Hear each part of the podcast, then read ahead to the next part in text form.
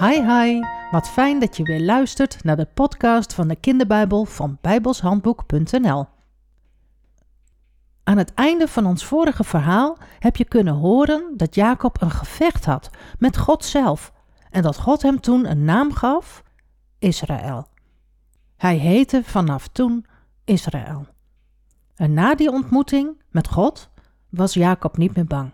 Hij durfde zijn broer Esau nu wel te ontmoeten. Weet je dat nog?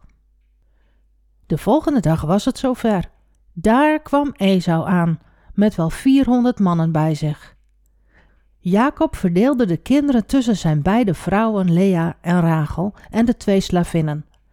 Hij zette de slavinnen met hun kinderen vooraan, daarachter Lea met haar kinderen en Rachel met Jozef achteraan.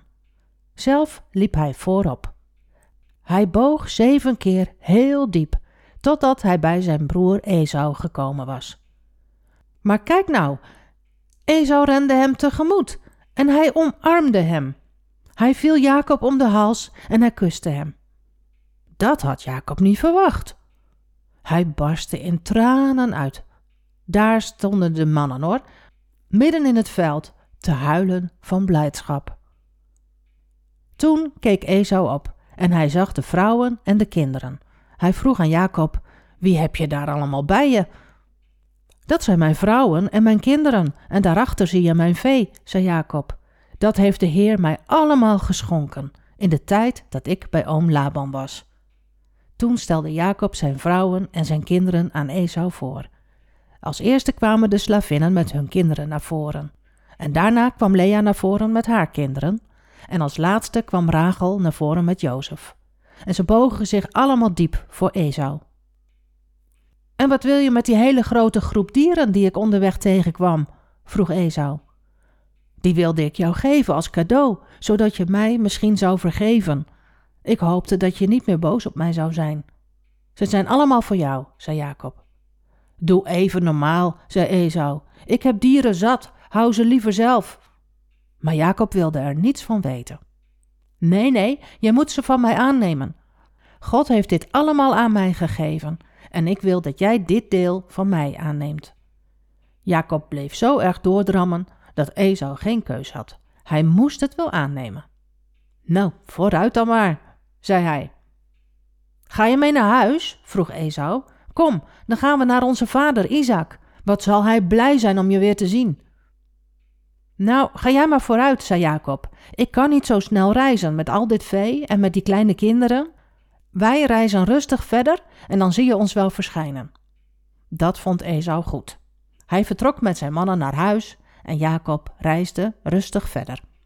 Hij kwam langs verschillende plaatsen en daar bleven ze steeds een tijdje wonen. Toen ze in de plaats Sichem woonden, zei God tegen Jacob: Ga naar de plaats Bethel. Ga daar wonen en bouw daar een altaar voor mij. Toen zei Jacob tegen zijn familie en iedereen die bij hem hoorde: Doe alle godenbeeldjes weg die jullie hebben. Ik wil dat jullie daar nu eindelijk eens mee stoppen. Er is maar één God en die godenbeeldjes beschermen jullie niet. Dat doet alleen de Allerhoogste God. Maak je klaar voor de Heer. Reinig jezelf en trek schone kleren aan. We gaan naar Bethel. Daar zal ik een altaar bouwen voor de God die mij heeft geantwoord toen ik in moeilijkheden was en die altijd voor mij heeft gezorgd. Toen gaf iedereen alle godenbeeldjes die ze hadden aan Jacob. En Jacob begroef alles onder de eikenboom bij Sichem. Daarna vertrokken ze naar Bethel en daar bouwde Jacob een altaar voor God. Op dat moment kwam God nog een keer bij Jacob. En weer sprak God die bijzondere woorden.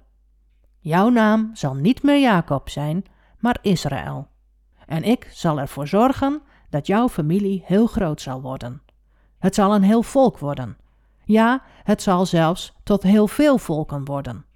Er zullen koningen uit jou ontstaan. En dit land dat ik aan Abraham en aan jouw vader Isaac heb gegeven, zal ik ook aan jou geven. En ook aan jouw familie als jij er niet meer bent. Toen ging God weer bij hem weg. Wat was Jacob dankbaar. God zorgde echt voor hem en hij beloofde hem een hele mooie toekomst. Jacob vond dat het tijd was om weer verder te reizen. Nog maar één tussenstop, Dan zullen we thuis zijn, dacht hij. Thuis bij vader Isaac. Jacob had in al die jaren natuurlijk heel veel meegemaakt. Wat had hij zijn vader veel te vertellen. En zijn lievelingsvrouw Rachel was weer zwanger en hun kindje kon elk moment geboren worden. Wat een feest! Maar Jacob wilde niet op de bevalling wachten, hij wilde snel verder. Ze trokken verder in de richting van de plaats Bethlehem. Toen ze daar bijna waren, ging het mis. Rachel kreeg pijn in haar buik. Oh, de baby kwam al. En Rachel kon niet meer verder reizen. Ze was zo moe, ze moest wel stoppen. Het was een hele zware bevalling en het ging niet zoals het zou moeten gaan. O jee, hoe zal dat aflopen? Dat hoor je de volgende keer. Luister je dan ook weer? Tot dan. Hi hi.